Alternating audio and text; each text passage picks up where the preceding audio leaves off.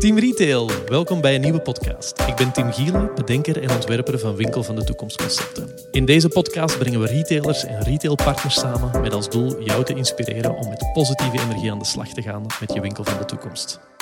Team Retail, welkom bij een nieuwe podcast. Vandaag bespreken we de business case voor RFID samen met Rezatec en Only for Men. Dat doen we met Bert Oosterom, logistiek manager bij Only for Men. Nou, die voorraad in die winkel moet helemaal accuraat zijn. En wij merken nu ook wel dat wij, nu we alles op RFID hebben, alle winkels, dat wij gemiddeld in de filialen al op 98,5% zitten aan accuraatheid. En Frank Lucas Luiks, integrator beveiligingstechnieken en RFID bij Rezatec. Men weet eh, van het bestaan af, men weet vaak alleen niet dat het uh, om RFID gaat. Met deze case is Only for Men in Nederland flink aan het pionieren als het aankomt op de integratie van RFID voor slim voorraadbeheer. Ik verwacht wel dat de komende jaren dat er wel een aantal retailers ook uh, ze hebben de stap naar RFID zullen maken. We gaan de case helemaal uitspitten, alle ins en outs met deze twee heren. Als wij over het algemeen 1% meer omzet zouden creëren hierdoor, dan, dan zaten we al break-even.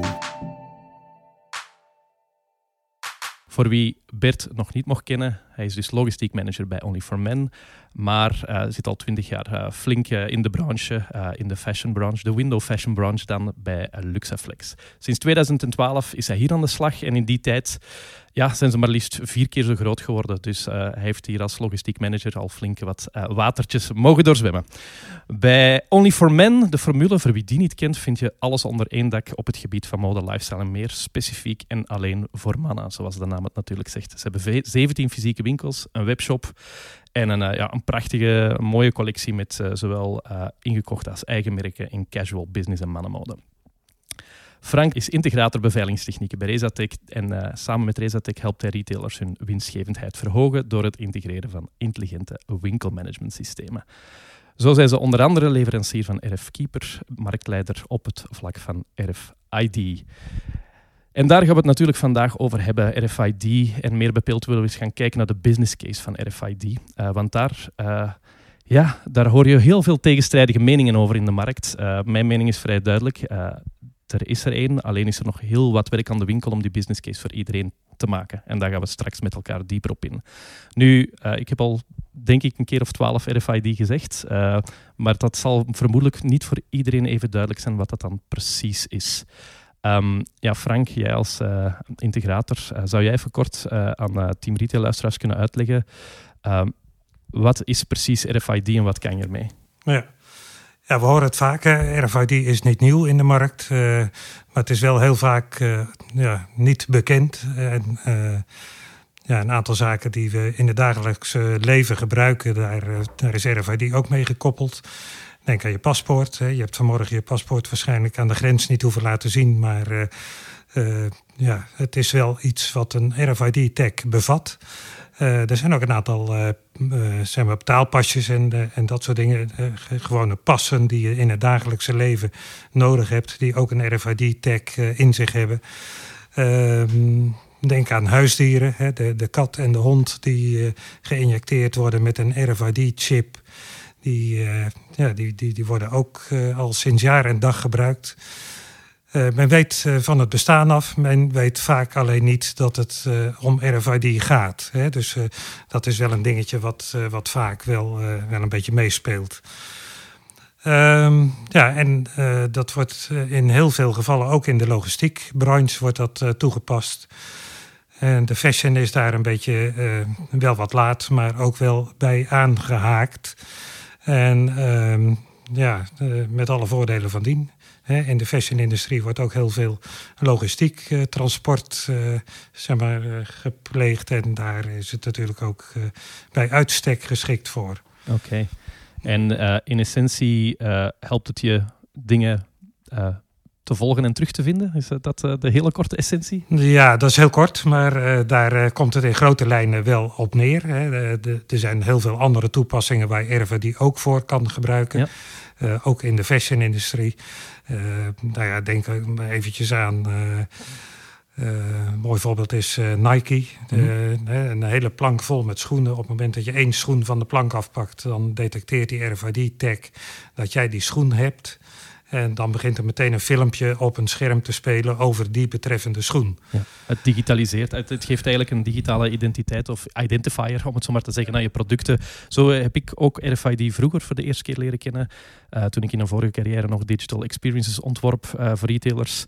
Um, ja, dan was dat voor mij gewoon de sleutel tot ah, ik kan een product herkennen en een stukje content of een stukje beleving laten starten.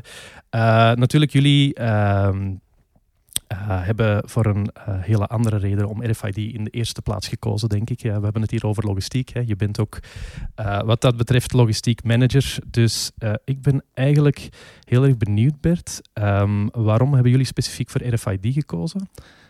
En kan je ons even kort toelichten. En subiet gaan we daar dan in de diepte in. Ja, welk project zijn jullie eigenlijk samen aangegaan met Resatec? Nou, we zijn in 2012, toen ik hier kwam, toen hadden wij nog een, een webshop. Dat, uh, dat past hier eigenlijk in deze kamer. Uh, dat was echt, echt in het begin. Uh, de, de voorraden, de, de, verschillen in de winkels, of de derving, dat was in principe vrij laag. Dus met twee keer per jaar inventariseren, dan zet je alles wel weer goed. En dus de accuraatheid van de voorraad was nou niet zo gigantisch belangrijk. Maar met name eigenlijk door het groeien van die webshop uh, werd het steeds belangrijker. Dat je uh, een, een, een elletje hebt in plaats van een emmetje, is financieel geen verschil. Maar natuurlijk voor je voorraad en voor je verkoop is dat een mega verschil. Want je moet die klant teleurstellen. Het is uitverkocht. Nou, de groei van de webshop is enorm. We, praten echt nu over, wij sturen dagelijks 500 uh, pakketten de deur uit. Um, als je daar een aantal pakketten of aantal orders niet van kan leveren, omdat die voorraad niet klopt, is het gewoon derving, is het crediteren. Nou, dat liep op een gegeven moment toch tot een behoorlijke omzet. Wij hebben gezegd van nou, die voorraad in die winkel moet helemaal accuraat zijn. Uh, dat was eigenlijk de eerste reden, of de belangrijkste reden, uh, om met RFID te gaan onderzoeken. En uh, we hebben toen, al een aantal jaren geleden, zijn we de markt opgegaan. We hebben eh, bij heel veel bedrijven gekeken. Uh, Razortech was al een, een, partner van ons voor de beveiliging. Mm -hmm. Die was ook een pionier, was ook ermee bezig. Dus uiteindelijk uh, zijn wij daar ook mee verder gegaan. Uh, goede ervaringen met hun ook, betrouwbaar. Um, pilot opgestart. Uh, praat ik al over bijna twee, drie jaar geleden. -hmm. Een pilot opgestart van in uh, één à twee winkels. Nou, toen zagen we al heel snel resultaten dat uh, de, de, de, de, voorraden in die winkels gewoon goed waren. En um, voor die webshop was dat zeer, zeer voordelig. Ik moet er ook even bij zeggen dat wij, we hebben een, uh, een groot centraal magazijn, maar de, de, voorraad van de winkels en ons centraal magazijn die is gekoppeld aan onze website. Mm -hmm. Dus wij halen een groot gedeelte licht in het centraal magazijn, maar we moeten ook heel veel uit die winkels halen. Dus als die winkelvoorraad niet klopt en je hebt hem daar niet, dan heb je dus een uitverkocht. Mm -hmm. Dus dat is de reden waarom we het gedaan hebben. En um, dus na die pilot hebben we ook gezegd van nou oké, okay, we gaan het langzaamaan uitrollen. We hebben het eerste jaar hebben we er vier gedaan. We zouden het tweede jaar er nog een stuk of vier, vijf doen. En eigenlijk door de, het hele corona uh, gebeuren, maart vorig jaar, hebben we eigenlijk in, uh, met z'n allen besloten, ja, we moeten nu gas geven. Dit is ook een, een, een kans om die tijd te pakken, ook om je hele bedrijf eigenlijk om te katten naar uh, RFID. Dus eigenlijk, uh, ik geloof ik november vorig jaar was het dat we het laatste vinkje zetten bij de winkel. Dat we winkel nummer 17 helemaal omgekat hebben. En compleet op RFID zitten. En in een notendop, wij merken nu al de grote voordelen ervan. Mm -hmm. Want het, het, percentage wat we dus niet kunnen leveren... Uh, vanuit verkochte weborders ja, die, die is schrikbarend naar beneden gegaan. Hm. Of schrikbarend, die is heel bijzonder naar beneden gegaan. Ja. Significant. Dat is fantastisch, hè? want uh, en ik denk dat dat uh, ons direct bij een belangrijk punt brengt in, in dit verhaal. Um, je doet het om logistieke processen, supply chain processen te optimaliseren en ervoor te zorgen dat die derving juist zit. Maar eigenlijk is het, is het en dat vond ik super interessant wat je zei, financieel M of L het is hetzelfde bedrag, oh, hè, ja. maar, maar naar de klantenbeleving toe en naar het, naar het teleurstellen van de klanten, hè, nee verkopen. uh, win je veel. Dus op het gebied van klanttevredenheid win je veel. Maar uiteraard ook in, in hindsight. Hè, een, een, een verkeerd geleverd item heeft ook nog heel veel andere verborgen kosten. Hè, retour, verwerking enzovoort.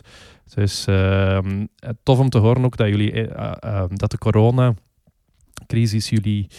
Um, ik, ik, heb, ik heb daar twee type bedrijven in gezien. Ik heb de bedrijven gezien die heel lang hebben on hold, freeze, uh, pauze, bevriezen. Het is altijd freeze, fight of flight zeker. Uh, en uh, ik heb er een heel deel zien bevriezen en echt lang. Ehm, we hebben dat ook. Um, en dan een, een, ja, het zijn een paar mensen die, die er helaas van tussen zijn gevallen ook. Maar ik heb er ook een paar gezien die echt gewoon van bijna dag één, dag twee zeiden nou, als, de, als de eerste paniek was gaan liggen, Jezus, wat een mega kans. We gaan, we, gaan hier, we gaan hier gewoon even vol de gas op. En ik heb wel het gevoel dat de, de ondernemersgeest bij Only for Men, hè, want jullie zijn denk ik een familiebedrijf, als ik het goed heb. Ja, het is uh, vader en zoon Piet en Arthur Veenstra. En met name nu uh, Arthur die het bedrijf uh, runt. En dat moet ik ook zeggen, dat vind ik ook het, het mega leuke toen ik hier 2012 of 2013 was, geloof ik, aan begon. Uh, innovatie staat heel hoog in het vaandel. En uh, het, zeker Arthur ook, uh, automatiseren, automatiseren. En ehm, dus ik, ik ben ook, geloof ik al in 2014 ook heel snel met EDI begonnen ook. Dus alles automatisch inlezen van, van de inkooporders en dergelijke. Um, we doen aan stockbase, dus alles wat, wat er maar enigszins mogelijk is in onze branche dat gaan we onderzoeken. En soms zullen we ook wel zeggen van nou, wacht het nog heel even mhm. af. Maar over het algemeen uh, pakken we de kansen, zien we de kansen. En ja, dat is ook wel mega mooi aan dit bedrijf. Ja, absoluut. En je komt ook na zo'n crisis als eerste de bocht uit. Hè. Ik denk dat dat heel belangrijk is en uh, inspirerend ook om te horen. Um, en uh, ik vind het zelf heel bijzonder. Um, retail is altijd een beetje operationele excellentie geweest. Hè, want dat is de manier waarop je eigenlijk eh, een groot stuk van je geld kan verdienen of niet te veel verliezen. Het is maar hoe je het bekijkt. Uh, vandaag de dag uh, is het super belangrijk als retailer om te investeren in merk, in beleving, in uh, imago, fotografie, videografie, social commerce, live, noem het maar. Influencers zijn allemaal nieuwe kosten die vroeger niet bestonden, zeg maar. Um, die je wel helpen om op een hele andere manier publiek te bereiken. We maken daar veel podcasts over, we vertellen erover. maar als je in de basis de operatie niet efficiënt hebt, dan één, dan sla je toch continu de bal mis naar die klantenbeleving. Maar twee ook, door op de basis volgens mij, zoals jij zegt, automatiseren, efficiënter processen, EDI enzovoort, heel vroeg allemaal juist te hebben, ja, kan je ook veel goedkoper opereren tussen haakjes. Uh, um, en budgetten vrijmaken om net in merk en in uitstraling te investeren. Dus uh, cool. Um, Frank, um, jullie kregen een telefoontje of een mailtje of een belletje uh, van Only for Men. Uh, hoe ver waren jullie op dat moment met RFID? Omdat ja, RFID in de markt, het is een, uh, er, er, bewegen al een paar jaar dingen in, maar ja, zolang retailers niet, niet echt bewegen, beweegt die markt ook niet. Hè, dat, dat hangt bij elkaar. Um, waar zaten jullie op dat moment zelf in met RFID in jullie portfolio en wat dacht je toen er contact werd opgenomen? Ja, Racetech België uh, hebben we hebben twee bedrijven in Nederland en in België. Racetech België die was al wat verder met RFID dan wij in Nederland waren. Uh, uiteindelijk zijn we ook met Only for Men zijn we naar België gegaan om even te kijken hoe we het daar hebben uh, geïmplementeerd. Mm -hmm. ja, dat was bij Gix Mode. Mm -hmm. die tot op de dag van vandaag ook nog steeds het systeem gebruikt. En ehm, ja, er zijn uiteraard ook wat gesprekken geweest, uh, ook met de refkeeper zelf. Israëlisch bedrijf, een klein bedrijfje, maar wel internationaal, uh, zeg maar, uh, trendzettend in de markt op dit gebied. En ja, waarom Israël zul je afvragen? Dat was hm? namelijk wat ik me ook afvroeg. maar Israël, je kent allemaal Silicon Valley. En in Israël heb je een soort tweede Silicon Valley waar alle grote der aarde zich bevinden. En daar zit dus ook uh, eh, RF-keeper uh, zeg maar in, uh, in gevestigd.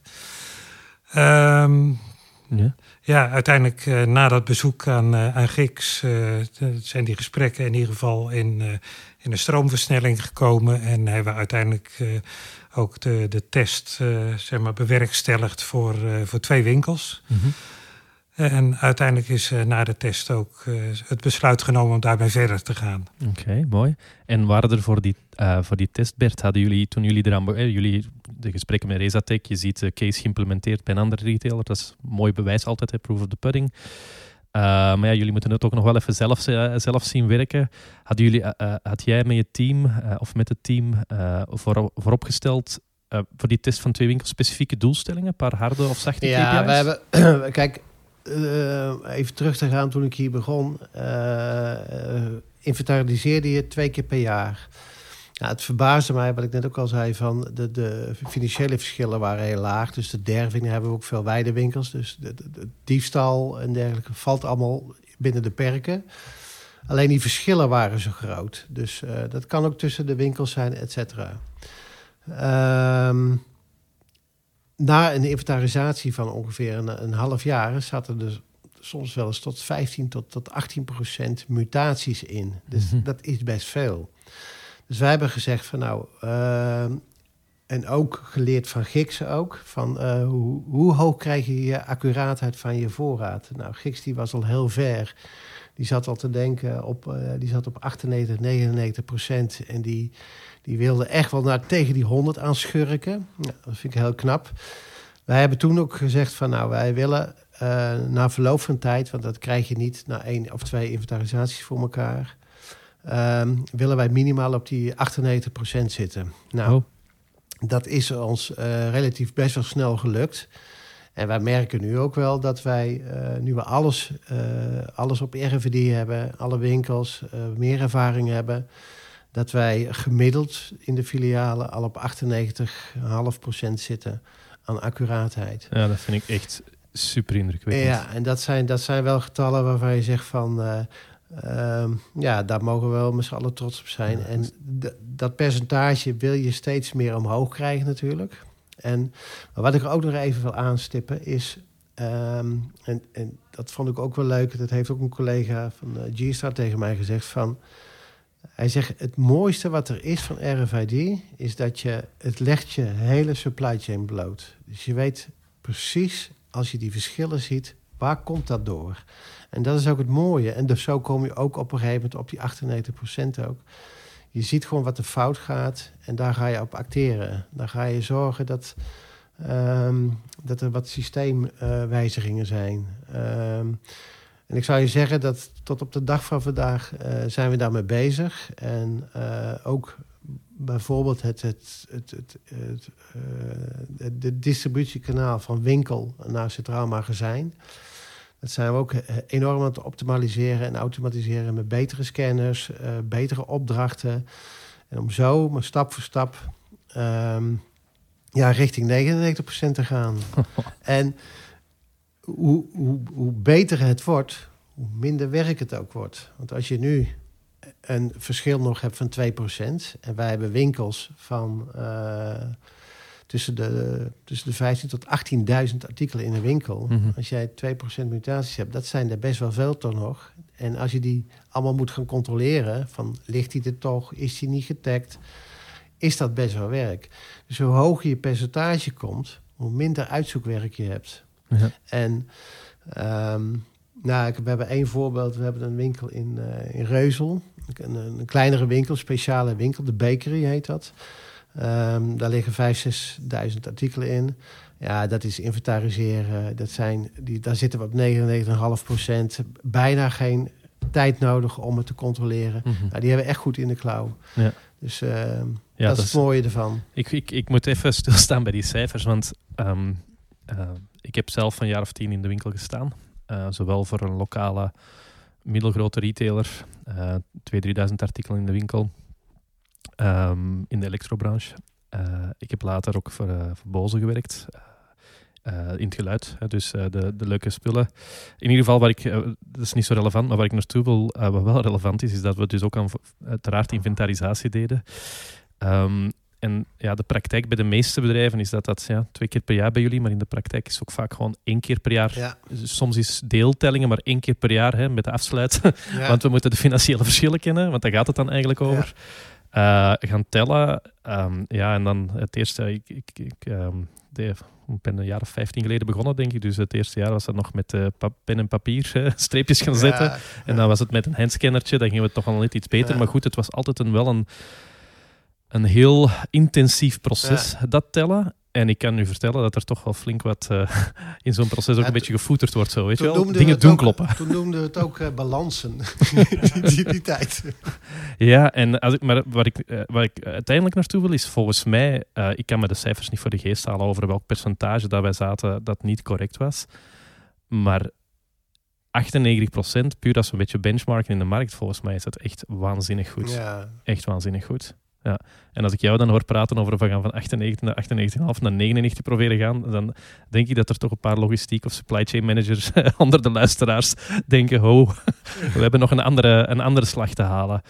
Um, en waar ik ook heel even dieper op wil ingaan, omdat ik uh, daar het zo eigenlijk nog niet bekeken had. Hè. Percentages zijn percentages. Hè.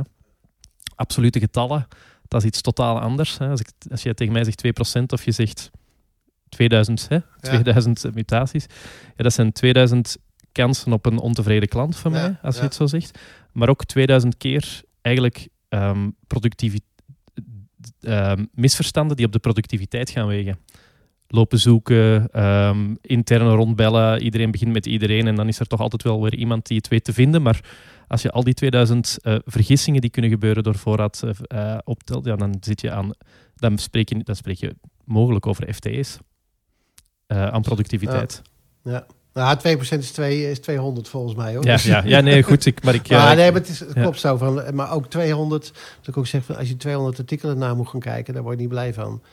Dus, uh, maar je moet er ook heel pragmatisch mee omgaan. En dat merken we ook bij, bij, bij, uh, bij ook de sokken bijvoorbeeld. En ja, daar kan je wel eens één of twee verschillen hebben. Daar moet je niet moeilijk over doen. Mm -hmm. En weet je, het is, het is altijd dat hele kleine percentage Um, en dat is ook, uh, ik, ik, ik, doe het met, uh, met nog twee collega's op, op mijn afdeling.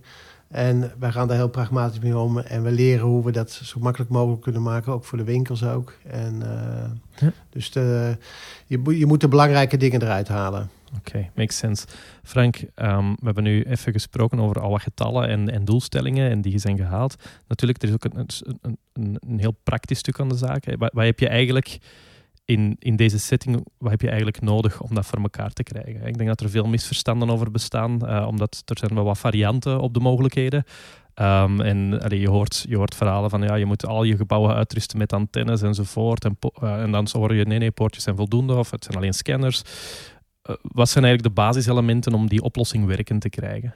Ja, het is een eh, je zegt het ook goed, hè? Het, is een, het is een proces en uh, zo moet je het ook zien. Het is een, een systeem wat je echt modulair kan opbouwen en kan, kan uitbouwen. de basis, dat is natuurlijk dat je uiteindelijk in de winkel alles getagd hebt. Hè? Daar, daar begint het mee. Vervolgens heb je natuurlijk een scanner nodig om uiteindelijk te, te kijken wat je in je winkel hebt liggen. En op het moment dat je wat verkoopt, moet je zorgen dat die tag gedeactiveerd, noem ik het maar eventjes, wordt. Zodat die niet, uh, zeg maar, uh, wederom gelezen wordt. Uh, en dat is in ieder geval de basis. En die tag, gewoon even daar kort bij stilstaan. Dat is, een, dat is niet meer als een, als een pleister, bij wijze van spreken, of een, of een labeltje? Ja, zo moet je het eigenlijk zien. Het kan allebei. Hè. Het, kan een beveiligingslabel zijn waar een, dual tag, noemen we dat. Hè, waar twee technieken in zitten. Dus dat is dan de beveiligingstag en de RFID-tag in één. Uh, maar het kan ook, uh, wat Onlyverman uh, ook doet, is source tagging. Dus taggen aan de bron. Dus in de fabriek wordt al, uh, uh, zeg maar, alles wat gemaakt wordt getagd met uh, de juiste informatie. Mm -hmm. En de tag, de RFID-tag, dat is een chip waar alle gegevens van dat betreffende product in verwerkt zijn. En RFID, ja, de techniek, ja. die, die leest op afstand die tag uit. Hè, dat is eigenlijk wat er gebeurt. Ja, die leest op afstand die tag uit en die tag heeft dus die, het zijn radiosignalen, um, die tag en die scanner communiceren, maar we spreken niet over, het is gewoon echt een, een, we spreken niet over batterijtjes of dingen, het is gewoon echt een labeltje dat ergens ingehangen wordt hè, of ingekleefd wordt. Hè. Dus dat, dat, omdat daar ook misverstanden over bestaan. Hè. We alles taggen en oh, dat techniek en dat leest en dat praten en oh, batterijen. En, uh, goed, dat hebben we helder. Uh, dat scannen aan de bron, daar gaan we dadelijk dieper op in, want ik denk dat daar heel veel belangrijke dingen over te vertellen zijn. Ehm, ik heb mijn, mijn labeltjes, dat is duidelijk. Ehm, ik heb een scanner. Uh, spreken we dan over een handscanner? Uh, hoe, ja, hoe, zie ik dat? Ja, een handscanner. Ja. Uh, Only is de eerste die is overgegaan naar het nieuwe platform, ook van okay. Erfkeeper. heeft de nodige pijnpunten opgeleverd. ik zie nog het koud zweet terug op je gezicht komen. en niet alleen maar Bert. maar dat, dat heeft inderdaad... Regelmatig Israël via de WhatsApp. Hij spreekt nog geen Hebreeuws, maar ja. het niet veel mee, denk ik. Ik kan wel Hebreeuws vloeken. Ja. uh, maar in ieder geval, uh, ja, uh, die, die, die, scanner is een handscanner die gekoppeld is met een Android-telefoon op dit moment. Oké, ja. En uh, van op afstand, uh, ik probeer het super toegepast even en concreet te maken, omdat voor veel mensen is het een abstract gegeven, ze hebben het nog niet in werking gezien. Uh, hou ik mijn telefoon erboven, loop ik rond door de winkel en zwaai ik in het rond? Hoe, hoe moet ik het zien? Nee, de telefoon is eigenlijk alleen de display hè, ja. die je nodig hebt. Ja. Die zorgt ook voor de communicatie, zeg maar, extern. En de scanner, daar zit een antenne in. En die antenne die leest op afstand die tag uit. Ja.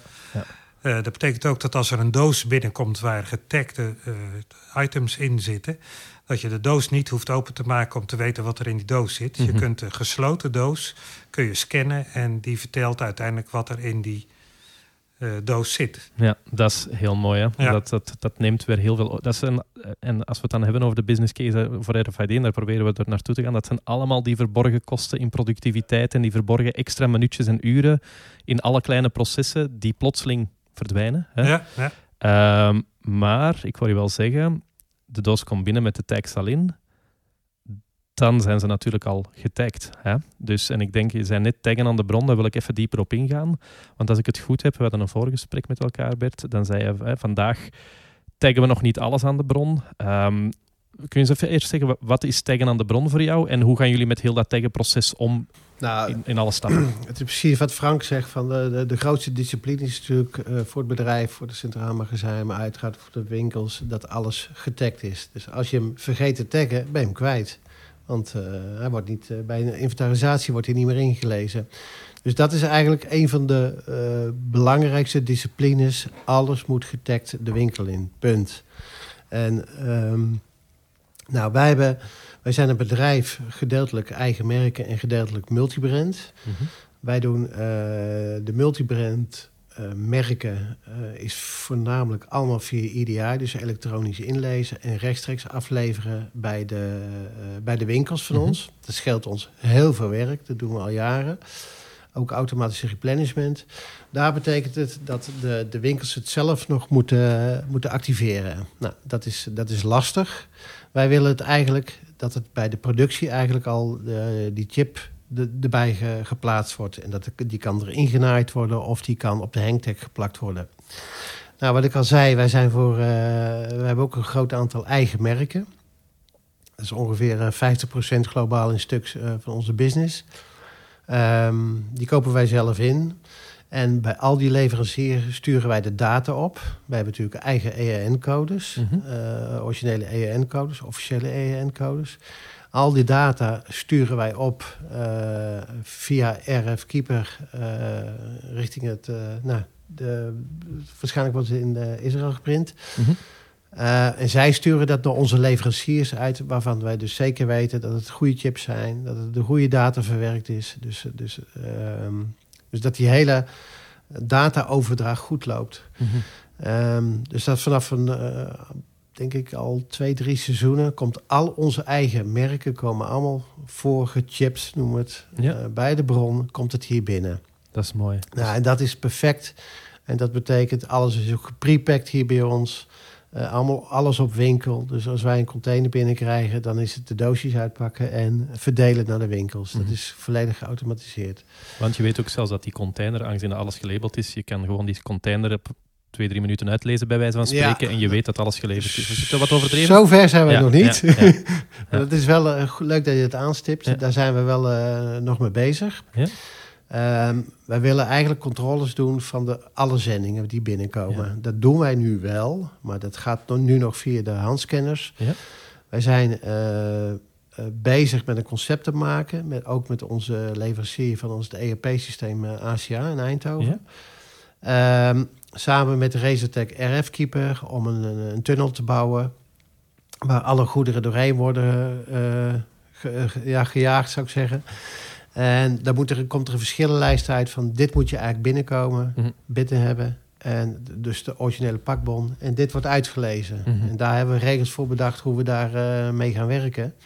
Dus dat is eigenlijk de, de inbound controle die we willen gaan doen. Daarnaast willen we ook de outbound controle gaan uh, checken, extra controleren via RFID. Nu is het nog zo, na elke winkel komt er een paklijst bij. Daar weten we bijvoorbeeld 100 stuks. Uh, mijn collega's in het magazijn die, uh, die, die, die, controleren dat via de scanners. Uh, die kijken naar de aantallen. Als er één of twee verschillen is, kunnen ze dat er even uitzoeken. Over het algemeen klopt het allemaal. Mhm. Nou, dat willen we ook door diezelfde tunnel doen, maar dan de andere richting op. En dat wij 100% volledig weten van dit gaat naar de winkels en dat moet ook in die winkels aankomen.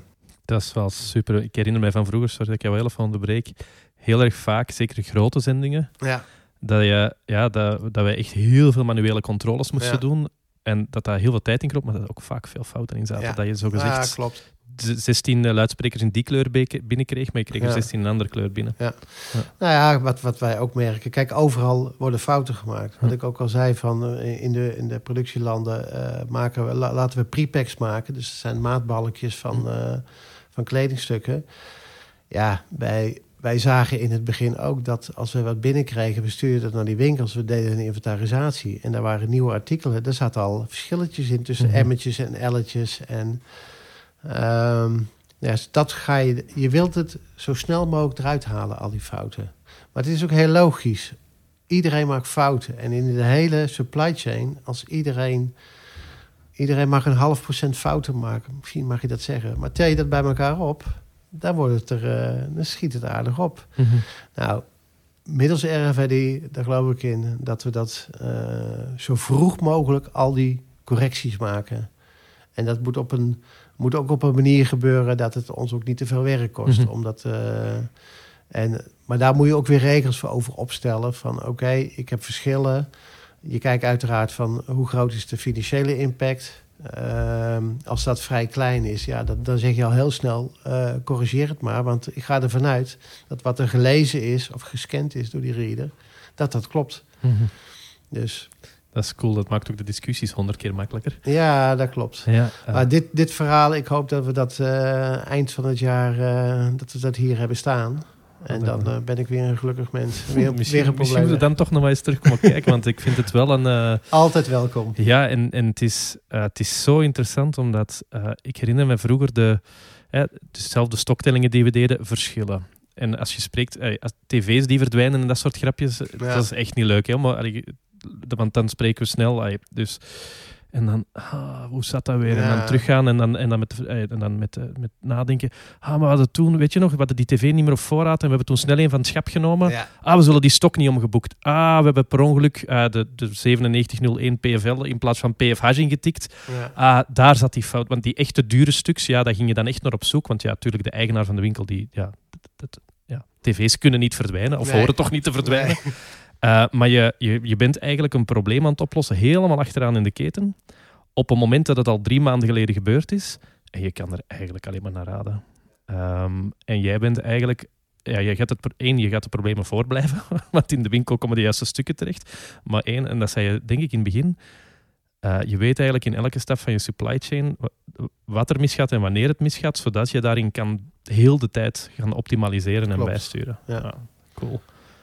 En, dat, en dat, gebeurt, dat doe je ook niet in een jaar tijd hoor. Dat, uh, dat, moet ik ook eerlijk toegeven. En, uh, maar dit is wel het, het, het legt het zo mooi bloot. Je ziet precies wat er fout gaat. En dat is mooi.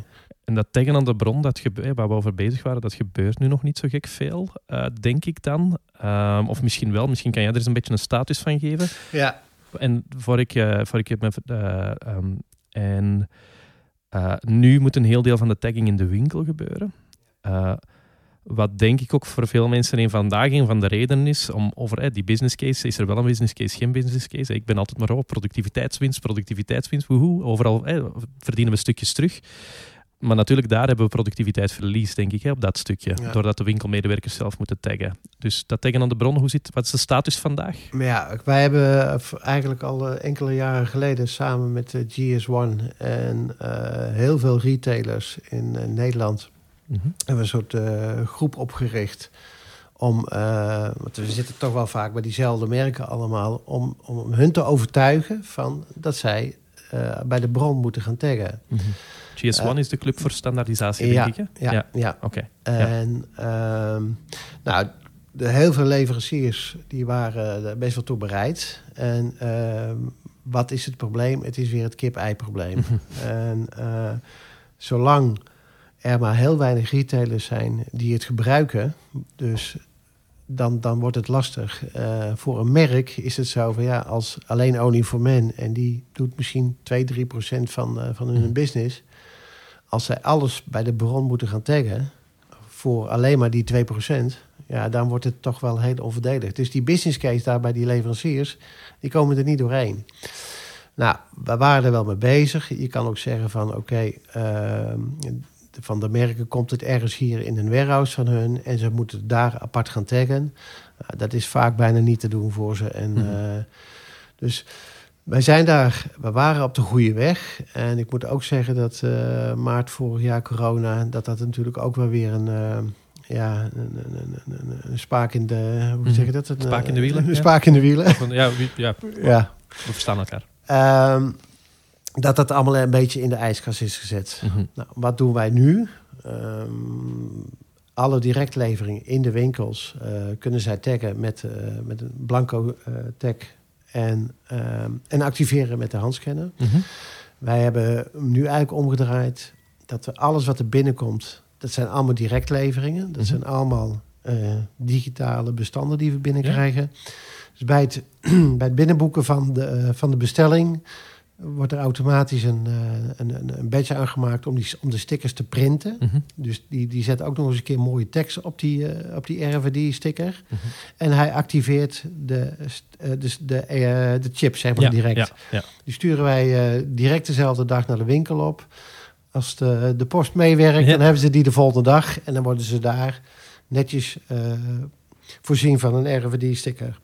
En op die sticker staat dan, dat is eigenlijk de sticker die gewoon op je, op je, op je label hangt, eh, waar Ja. de maatvoering op staat en de prijs. Ja, meestal bij, Ja, over ja. het algemeen worden ze op de hangtag eh, Ja. geplaatst. Ja. En eh, ja, dat is voor, voor 95 procent. Ja. Dus, maar we hopen gewoon dat we eh, binnen nu en een, aantal jaren... dat we steeds meer leveranciers, merken kunnen overtuigen van... ja, probeer dat eh, te taggen. Ja. En eh, ik Ja, weet ook van collega-bedrijven... die zijn er toch ook wel weer mee bezig om, eh om RFID te gaan implementeren. Mhm. Dus het, het zal even tijd kosten. Ja, ja het is, het is, het is ehm, de kip en het ei probleem. En ja, je hebt niet alleen de business case uiteraard van de retailer, maar ook die van, van het merk. Hè. Van, eh, dat eh, had ik eigenlijk zelf nog niet bij stilgestaan. Ja. Logisch ook, want ja, als er voor hen de, allee, voor hen de business case niet is, wordt dat lastig. Uh, maar ik kan wel voorstellen als er een paar zijn die echt, ja, zeg maar, als we met z'n allen samen maken we volume en dan nog een paar jongens die echt heel erg dominant zijn erbij. Die, allee, ik denk wel dat we op een bepaald moment naar contracten gaan waar die dingen afgedwongen worden. Uh. Ja, dat klopt. Kijk, de, de, wij zeggen zelf ook bij uh, bepaalde merken en uh, dat we sowieso IDI willen. Want handmatig inkooporders aanmaken. En die tijd is die toch tijd al is wel heel lang voorbij, denk en ik. wij willen ook hun EAN-codes hebben. Ja. We, we, zitten ook op verschillende platformen, marketplaces. Daar hebben we gewoon hun officiële EAN-code nodig. Mm -hmm. dus dat, en dat, op, dat allemaal in te lezen met Excelletjes en dergelijke. Ja, we doen het wel voor sommigen, maar we willen gewoon IDI hebben. Nou, mm -hmm. voor RFID gaat dat ook op een gegeven moment hetzelfde ja, gelden. Dat denk ik wel, dat denk ik wel. Maar het is hoe meer retailers instappen eigenlijk, ja. ja hoe groter die druk wordt op, uh, op het, ja, hele, ja. de hele supply chain om, om dat te gaan. En daarom snap ik ook dat onder andere GS1 mee in dat verhaal zit, want dat betekent ook dat je betere standaardisatie nodig hebt dan dat je, want nu moeten jullie eigenlijk je eigen labels hè, laten printen, uh, ergens hè, laten opsturen. Hè, dus uh, dat, dat, is oms, dat voelt omslachtig. Hè? Dat klopt. Ja, dat klopt. Ja, ja, ah, maar het is ook, het is ook lastig. En, Ja. en uh, ook voor de winkels, en dat begrijp ik. Uh, we hebben een mooie uh, experience story in Doesburg. En als wij weer een, een mooie serie diesel jeans binnenkrijgen, ja, die, die jongens, die verkopers, die willen dat gelijk in de winkel gooien. Tuurlijk, tuurlijk. En, maar ja, dan moeten ze even wachten nog op die, op die RFD-etiketten. nou, dat, is het. ja, dat daar gaan dingen mis. Dat kan niet anders. Ja. Maar goed, dan zeggen we ook van, joh, het maakt niet uit, je kan het gewoon verkopen. Maar zorg wel dat, het, dat die sticker erop komt. Ja, ja tuurlijk. Ja. Natuurlijk, en je verkoopt graag als verkoper. Dat is logisch. Het hangt er, de maat, de, er is een maatbreuk in de winkel en je weet dat achteraan ligt. Dan is de verleiding ook erg groot, denk ik, om uh, toch even snel die broek te nemen. Um, uh, Frank, uh, meer retailers dan de RFID, ja, dat kan alleen dat ik blij mee zijn, gok ik dan. Maar als je mij zo'n beetje een gevoel kan geven, uh, ik weet, jullie zijn gekend, hè, voor, ik, ik ken jullie oorspronkelijk inderdaad van de beveiligingsstijks, van de beveiligingssystemen, al, al jaren. Um, was voor mij ook een beetje nieuw dat jullie in de RFID zaten. Maar kijk, jullie hebben een prachtige case en een tevreden klant. Dus de proof of the pudding is in the eating. Hè. Jullie zijn daarin actief en, maken, en doen goede dingen. Hoe voel jij op dit moment de markt aan? Ja, uh, wat Bert al zegt, hè, corona heeft natuurlijk ook wat route in het eten gegooid. Uh, er, waren een aantal retailers die ook uh, zeg maar de, de stap willen maken en willen doorgroeien. En in ieder geval ook zorgen dat uiteindelijk daar wat mee gaat gebeuren. En die zijn ook wel een beetje terug de wachtkamer ingestapt. Ja, ja, Om even af te wachten hoe het zich verder ontwikkelt. Ja. Maar ik verwacht wel dat de komende jaren dat er wel een aantal retailers ook uh, ze hebben de stap naar eh, RFID zullen maken. Ja. En um, ja, dat zullen dan. Uh, er zijn zeker een aantal kleintjes bij. Maar het merendeel, dat zijn de, de grote jongens. En ook met meerdere filialen of de, ja, de wijde zoals we dat noemen. Dat zijn de, de hele grote winkels ja. die, die vaak maar één of twee winkels hebben. En dan zeg maar, lokaal een, eh, een grote betekenis hebben. Mm -hmm. uh, dat zijn ook de winkels die er veel baat bij hebben. Hè. Ik heb uh, um, een paar jaar geleden is een project gedaan met Woonboulevard Portvliet, zo'n typische reusachtige woonboulevard. die, ja, wat is 50.000 vierkante meter, ik weet niet meer van buiten. Huge, huge, huge, huge. En die doen dan ook natuurlijk decoratie, hè, dat hoort zo. Dus uh, de, de, de, de toonzaaldecorateurs die gaan de, de toonzaal decoreren en de, web, de winkelvoorraad is de webvoorraad. Dus er komt een webordertje binnen, uh, die theedoek met de rode ruitjes. Holy. Mm. ja, we gaan maar zoeken op 50.000 vierkante meter. Hè. Als iemand hem niet in het schap van de theedoeken heeft gelegd, maar, ja. maar dacht het is leuk om deze keukentafel wat te decoreren. Uh, dus die hebben er natuurlijk ook. Hey, dat zijn de typische winkels die voor mij volgens mij ja, daar echt mooie oplossingen aan hebben. Kan je het ook op, op in de winkel op locatieniveau dingen terugvinden ja. met RFID? Ja. ja, ja? er zit een uh, zoekfunctie op de readers. En uh, de reader die kan lezen, maar die kan dus ook een artikel zoeken. Uh, we geven de, de barcode in of we scannen hem. En uh, op dat moment uh, gaat hij zoeken. En het is gewoon een piepsignaal wat steeds harder gaat. En ja, tot hij het item heeft gevonden. Of ja. in ieder geval in de hele korte nabijheid van het item is. Ja. en kan het ook anders? Want dat ja, op 50.000 vierkante meter ben ik nog niet heel gelukkig met die oplossing. Nou, het is niet zo dat je zegt van ik zet hem aan en hij, dus de, de, de reader zegt van hij ligt daar 100 meter verderop, hm. daar ligt hij. Dat, ja. uh, dat, is, dat is, je moet ja. wel weten. Maar voor ons, voor ons is het ideaal, omdat wij uh, over het algemeen heel veel shop-in-shops mm -hmm. hebben. Ja. Je gaat ervan uit dat er een, een kledingstuk van een bepaald merk wel in die shop ligt maar dat je toch net even niet kan vinden. Ja. Of, uh, nou, dan kan je mee zoeken. Ja. Maar het is ook heel grappig, dat is misschien ook wel een leuke. Uh, bij een inventarisatie, die zegt dat hij er is. Die ja. zegt niet dat het kledingstuk er is, die zegt dat die tag er is. Ja. Dus het kan natuurlijk zijn dat er een tag, maar ook met, wij hebben ook diefstallen. Ja. Dus het kan zijn dat zo'n tag ergens in een paskamertje ligt. Ja. En, onder een matje. Uh, ergens onder een matje. Of, uh, dus dan, maar goed, dat, dan vind je hem dus wel. Mm -hmm. En dan weet je ook van, nou, die is gestolen. Ja. En uh, dan boek je hem af op, op diefstal. Oké, okay, ja, lijkt logisch. Um, Um, dus inderdaad, voor grotere winkels ook een oplossing, maar dan lokalisering. Nu, ik, ik, denk dat ik ooit eens iemand van jullie gesproken heb, ik kan me vergissen, want ik spreek heel veel mensen en ik zie heel veel technologieën, dus ik haal dingen ook door elkaar regelmatig. Dat is uh, uh, ja, part of the game. Um, dat je bijvoorbeeld bepaalde zones met poortjes of iets dergelijks zou kunnen afbakenen. Hè? Dat je eigenlijk, een, zoals jouw tunnel, hè, een zone doorloopt en ja, dat die eigenlijk in de, achterliggend in de ERP of in het warehouse management systeem ja, eigenlijk dan gaat overboeken van ah, stoklocatie daar naar stoklocatie daar. Dat Zou klopt. technisch kunnen? ja, dat is mogelijk. Dat, ja. dat in principe heeft ook uh, bij RFkeeper zit er ook in de hele software uh, iets in. Dat je ja. zegt van nou, ik tel de, de, magazijn en ik tel de, de winkel, de store. en dan kan je zeggen van oké, okay, ik kan wij spreken kan zien vanuit het hoofdkantoor, kan je de winkel opbellen van joh, leg het ene maatje wat je mist, haal die uit het magazijn, leg die in de winkel. Ja, ja. Ah, voor ons is dat niet zo inter nee, dat snap interessant. Ik, dat snap ik. Nou, omdat wij eigenlijk in, de, in de winkels hele kleine magazijnruimtes mhm. hebben. Het is bijna allemaal winkelruimte. En ja, over het algemeen is het wel zo dat onze verkoopmedewerkers... die weten wel van, uh, die lopen ik. het magazijn door en die vullen de winkel aan. Dus, uh, dat snap ik. het, het is een mogelijkheid. Ja, het is een mogelijkheid. En het, zijn, het is een proces, zoals je er straks zei, Frank. Het, hangt een beetje van jouw logistiek proces, van, van jouw noden, welke configuratie dat je uiteindelijk in eindigt, denk ik. Uh, maar het is wel mooi om te horen dat het eigenlijk op allemaal. je kan het op heel veel domeinen toepassen, maar het komt altijd op hetzelfde neer. Je, gaat het, eh, je weet wat er misgaat in de supply chain, waar en op welk moment. En je kan fine-tunen, fine-tunen, fine-tunen. Om bij wijze van spreken binnen de winkel van kamer A naar kamer B, maar in jouw geval tussen de grote ja, zeg maar, mijlpalen in jullie logistiek proces eh, telkens af te kappen eh, ehm, waar het misgaat. Nu, als je zo'n project opstart, dan heb je ambities, dan heb je doelstellingen. Um, natuurlijk, dat is is hey, 98,5%, 98%, 98,5%, dan op flabbergasted. Dan zei je ook meteen ook bij, daar zijn we niet vanzelf geraakt. Hè. Dat hebben we, daar hebben we aan moeten werken. Wat zijn zo de belangrijkste learnings voor jullie onderweg met RFID? Eh, ik zal misschien even starten met jou, Frank. De belangrijkste learnings in dit project geweest voor jullie? Zo de belangrijkste uitdagingen misschien? Uh, ja, een van de dingetjes is dat de organisatie ook wel een beetje klaar moet zijn om zeg maar, dingen aan te pakken. Mm Bert die roept af en toe wel eens: uh, ja, ik ben de, de vraagbaak van het bedrijf geworden en de IT-man van het bedrijf. En buiten de logistieke manager is hij natuurlijk het aanspreekpunt voor RFID geworden. Mhm. En ik denk dat dat wel het is niet uh, even een knopje omzetten en je bent er. Hè. Mhm. het, is een, uh, ook daar is het een proces wat in de organisatie moet groeien. Uh, waar je ook de, de, handen op elkaar moet krijgen voor het systeem.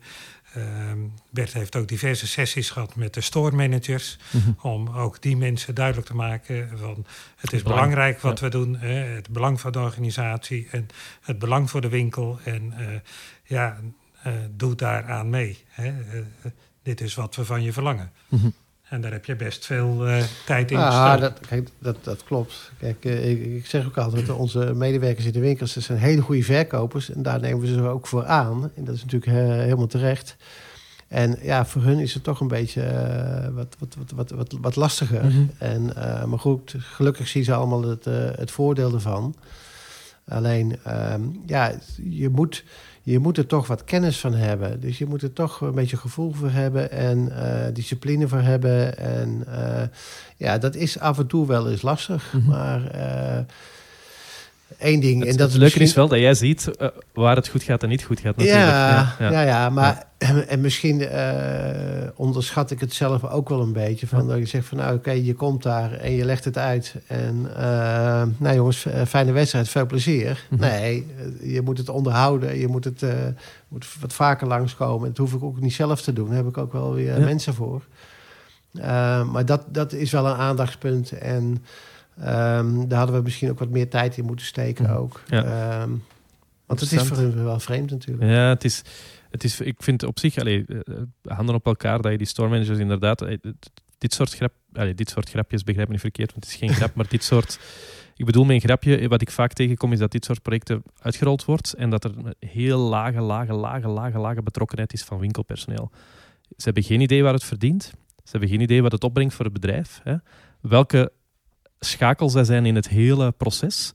En dat als zij als schakel in het hele proces niet mee zijn, dat het, hele ja, dat het in duigen valt. Hè? Want als het niet getagd is en het wordt verkocht, ja, dan eh, helder. Hè? Um, en, en dan komt vaak die frustratie hoofdkantoorwinkels van ja, ze, ze, werken niet mee. En dan hoor je soms ook echt van ja, maar de mensen zijn niet op de hoogte. Ze, ze zijn, dus het feit dat je ze betrokkenen vind ik al tof het feit dat je zegt van misschien hadden we ze nog wat meer moeten betrekken of nog iets intenser, ook goed. En ik denk dat het nu vooral een kwestie is van herhalen, herhalen, herhalen. Ja, klopt. Ja. Nou ja, dat is precies hetzelfde als met een, eh, een voetballer. Dan moet je ook duizend keer eh, tegen hem zeggen hoe die uh, wat moet doen door de coach. En dat, dat, geldt eigenlijk voor alles. En dat, dat vind ik ook altijd een uh, soort, soort wijsheid van... we hebben natuurlijk best wel een flinke logistieke afdeling ook. Mm Daar gaan wel eens dingen fout. Ja, dan moet je altijd eerst denken van ja, heb je het wel goed uitgelegd? Zijn de instructies wel goed? In plaats van dat je denkt van ja, de- hij snapt het niet of eh, wat dan ook. En dat is natuurlijk altijd wel heel erg belangrijk. En eh, want ook, ook voor die winkel is het zo van ja, hun, hun focus 90, 95 moet zijn eh, verkopen. Als Ja. die klant komt, dan moet er wat verkocht worden. Dus, je, eh, dus je moet extra aandacht geven, eh, ja, extra uitleg geven, extra aandacht geven van dat, eh, wat dit allemaal inhoudt. Ja, ja. Dus het is allemaal begrijpelijk. Ja, tof. En in denk ik ook naar nieuwe medewerkers eh, wordt dit voor de onboarding super belangrijk. Ja, ja. Ja, dat is. eh, eh, Ja. Hier is het toilet en zo doen we het RFID-proces. Dat zou Ja. eigenlijk. Nee, zo zou moeten starten. Ja, Ehm, nee, dat klopt, ja. ja. Eh, super interessant. Nog eh, specifieke uitdagingen die je op voorhand een beetje onderschat of wat niet had zien komen, die je bent tegengekomen? Ah, ook, ook, kijk, in, in principe is het geen rocket science. Want het is eigenlijk een, een geactiveerde chip. Die plak je op het kledingstuk en je gaat inventariseren. Je leest het uit. En net zoals een gewone inventarisatie. Punt. Dus het- eigenlijk is het, stelt het helemaal niet zoveel voor. Mhm. Maar natuurlijk heb je met alles, en dat is met, zijn met de LS-systemen en dergelijke, je hebt uitzonderingen. Mhm. Eh, en dat hebben we ook bij de pilot heel snel gezien. En trouwens, dat was ook, daar was ook RF Keeper zelf bij ook. Eh, van tevoren zelfs bij het taggen van de, van de, van de kledingstukken. Eh, sommige merken die hebben een soort ge- gemetalliseerd prijskaartje eraan hangen. Nou, die, die chip, die, ja. chip die houdt daar niet van. en ehm, hartstikke leuk. Maar dan wordt hij dus niet uitgelezen. Dus dan moet je een aparte plek gaan zoeken eh, waar je hem het beste kan plakken. Dus we hebben ook een hele instructie op een gegeven moment gemaakt van eh, waar je het kledingstuk van een bepaald merk moet gaan taggen. Mhm. En in dit voorbeeld eh, stoppen we hem tussen het, lab, tussen het waslabel. Ja. En, en zo heb je dat. Wat, ja, zo heb je overal uitzonderingen Ja. op, et cetera. Ja, natuurlijk. Het zijn nu die uitzendingen waar ik jullie ook van 98 naar 99 op willen proberen Ja. gaan waarschijnlijk. Ja, Oh, ja, en dat, dat duidt opnieuw, wat we dan al een paar keer naar gerefereerd hebben, dat soort problemen zouden op- aan de bron moeten opgelost zijn. Hè? Aan de bron op de juiste ja, plek, ja, een dat. Ja, ja, klopt. Dat eh, zou iedereen gelukkiger maken, maar dan moet ook de, het, het merk en ook de, de, de, de, de art director of de designer, het maakt niet uit, die gezegd heeft van hey, we doen een metalen plaatje, want dat, hoort, hè, dat Ja. past bij onze uitstraling enzovoort. ja. Ja, dat zou dan toch een stukje hout of op de een of andere manier nog tussen, of iets eh, moeten gebeuren. Dat, Ja. eh, want dat is ook ja, die, ja, gebrek aan kennis over die technologie, maar dat, klopt. zoals we er juist al gezegd hebben, het is eh, kip of ei, iedereen moet Ah. mee. Geldt ook voor de winkelinrichting. Van, we hebben heel veel winkelinrichting metaal. Eh, waar onze overhemden op liggen. Ja, die moet je allemaal even loshalen. Want eh, ja, dat metaal en die chip, dat... Aha, dat is Ja. Metaal Dus schermt ook alle daar techniek af. beetje Ja, zo moet je het van zien. Faraday eigenlijk, Ja. eh, principe. Ja. Ja. Ehm, heel concreet, als even een balkje eraf halen en dan scannen? Of, of, of, of- Nou, in principe moet je hem er even uithalen. Ja. Dus uit die kooi van Faraday moet Ja. je hem er even uithalen. Dus dat geeft ze gewoon eh, wat. Dat kost wat extra tijd. Ja, ja. Maar om je een idee te geven, ehm, wij hebben winkels van nou, pak een beetje gemiddeld eh, de 10.000 tot 15.000 eh, artikelen. En vroeger moesten wij daar met, eh, met ondersteuning van logistiek, eh, zaten we denk ik geloof ik een uurtje of tien eh, met, eh, met acht man aan het inventariseren. Mhm. Nu doen we het altijd met twee readers en dan anderhalf uur is, is die geteld. Ja, ehm, ik heb er juist al eh, bewezen dat ik niet zo goed kan hoofdrekenen, dus ik ga daar geen procenten op eh, kleven. Eh, maar dat is eh ja, anderhalf uur met twee of Ja, tien ja. uur met acht. Dat is gewoon absurd. ja, hè? absurd, ja. Dus, en dan denk ik dat we terug richting die business case kunnen gaan denken of kunnen gaan praten. Ehm, ik hoor iets te vaak dat de business case er niet is. Hè? Dus ik heb het plezier van met best veel retailers op innovatieprojecten te werken. En ja, RFID hoort bij mij gewoon bij supply chain innovatie, ook bij store innovation. Hè? De experience laag die we er straks zeiden. Ehm, ooit met Soet Supply iets gedaan, de, spiegel voor, de, voor het pak, eh, eh, de pak voor het, sorry, je pak voor het spiegel houden en op basis van een RFID-chip meteen de bijpassende schoenen, accessoires, eh, riem, zonnebrillen, dat soort dingen displayen. Dat kan omdat je het product herkenbaar maakt voor de technologie en dingen kan triggeren. Maar zo'n dingen blijven, en ook daar eh, blijven vaak bij concepten, omwille van, ja, dan moeten we wel RFID hebben uiteraard. En we gaan niet uh, onze hele supply chain overhoop gooien omdat jij graag een zonnebril op de spiegel Ja, wilt toveren, weet ja, je wel. ja. Dus het is, eh, en ik heb ondertussen wel al lang geleerd dat dat de, ice op, de icing on the cake is. Hè? Die, die leuke experiences die je erop kan bouwen. Dat het gaat over logistiek en dat het gaat over efficiëntie. Eh, maar, het, maar toch bots ik wel vaker en dat verbaast me. En ik ben heel benieuwd in de gesprekken van de komende maanden, omdat ik heb tijdens corona heel veel gesprekken gehad en, en oefeningen gedaan rond online to offline. Ehm, van oké, eh, corona breekt uit, eh, onze winkelvoorraad is niet aan de webshop gekoppeld, centrale magazijn, dat, dat droogt op, de winkels zitten vol voorraad. En we kunnen, we kunnen het eh, IT-gewijs eigenlijk niet verkopen op dit moment. ERP-gewijs eigenlijk niet verkopen. Dat is crazy. De klanten zien geen voorraad. eh, Er is geen voorraad eh, niet meer. Heel mijn voorraad is, het het zit nog vol in alle winkels. Dus je merkt dat iedereen, allee, dat iedereen wel echt bezig is nu met oké, ship from store, met eh, al die verschillende laten we zeggen, online to offline processen. En, maar goed ook, hè, want uiteindelijk, jullie hebben ook één voorraad. Hè. Uiteindelijk, je hebt een centrale voorraad, maar ook de winkelvoorraad is de voorraad van de webshop. Juist, Ja. hè? Ja. Dus ik denk wel, daar zijn nu heel veel mensen mee bezig om dat te gaan opzetten. En bijna allemaal zonder RFID. Dus ja, die gaan de komende jaren, of het komende jaar, komende 18 maanden ontdekken dat de winkelvoorraden niet zo accuraat zijn als ze gehoopt hadden. En dat, dat het wegboeken van financiële verschillen iets heel anders is dan het wegboeken van maatverschillen, Ja. waar we het er net Ja, over hadden. ja. Dus ik vermoed wel, eerlijk gezegd, dat die, dat die, dat die interesse in RFID enzovoort gaat stijgen door de uitdagingen die eh, logistieke managers en omni- omnichannel managers de komende periode gaan hebben. Omdat iedereen op die integratie online-offline is gesprongen, of toch veel mensen. Maar dan, en dan wil ik dan wel graag aan jou vragen, Bert, eh, die business case, is die er dan eigenlijk of niet? En zijn jullie vandaag al rond of zijn jullie er nog naar aan het werken met een lange termijn plan? Wij hebben natuurlijk hebben we, eh, van het begin af aan hebben we een business case echt wel gebouwd. Echt wel Mhm. best wel uitgebreid ook. En, eh, ik heb dat eh, samen gedaan met onze merchandiser, die echt flink goed in de data zit en dergelijke. En wij hebben eigenlijk, hebben wij ehm, even zo uit mijn hoofd iets van, van kijk, er is eigenlijk maar één voordeel, je voorraad klopt. Mhm. Punt. Maar goed, dan heb je de, de, de bullet points. eh, wat voor meer voordelen eraan zitten. Nou, als je dat, eh, we hebben dat helemaal uitgewerkt. We zijn gaan kijken van eh, met het webshop pikken voor in de winkels. Nou, diefstal ongetwijfeld is, wordt er iets minder diefstal. Bijvoorbeeld al als je, als je personeel, want diefstal is vaak intern, helaas. Ehm, als je personeel weet dat we de voorraad helemaal de supply chain goed in de klauw hebben, heb je minder kans op diefstal, naar mijn mening. Mhm. Dus zo kan je overal hele kleine dingetjes, critical zeros, van, eh, van een maatbalkje dat er eentje niet is. Zo hebben we alles gekwantificeerd en eh, gekeken van, nou, d- dan zien we, oké, dit zijn de voordelen. de offerte van natuurlijk het hele RFID-systeem, dat zijn de kosten. Nou, dan kwamen we eigenlijk tot de conclusie dat als wij over het algemeen 1% meer omzet zouden creëren hierdoor, dan, dan zaten we al break-even. Oké. En als je in de markt, wat ik net zei, van ik zit in die, die, eh, in die projectgroep van uh, US One, heel veel eh, bedrijven ook gesproken in het buitenland, ook Engeland is, gaat ook wel wat, wat verder. Ja, zij praten over 3 tot 7 procent meer eh, of omzetgroei. Door de neerverkopen en de retours Ja, die naar ja. beneden gaan. En de Lijkt mij erg hoog, maar dus voor mij was het naar eh, ja, eh, binnen het MT Hm. eh, van jongens, dit is de business case en dit is het verhaal. En geloven jullie erin? Hebben jullie het onderbuikgevoel dat dit minimaal een procent meer omzetgroei gaat, Hm. gaat opleveren?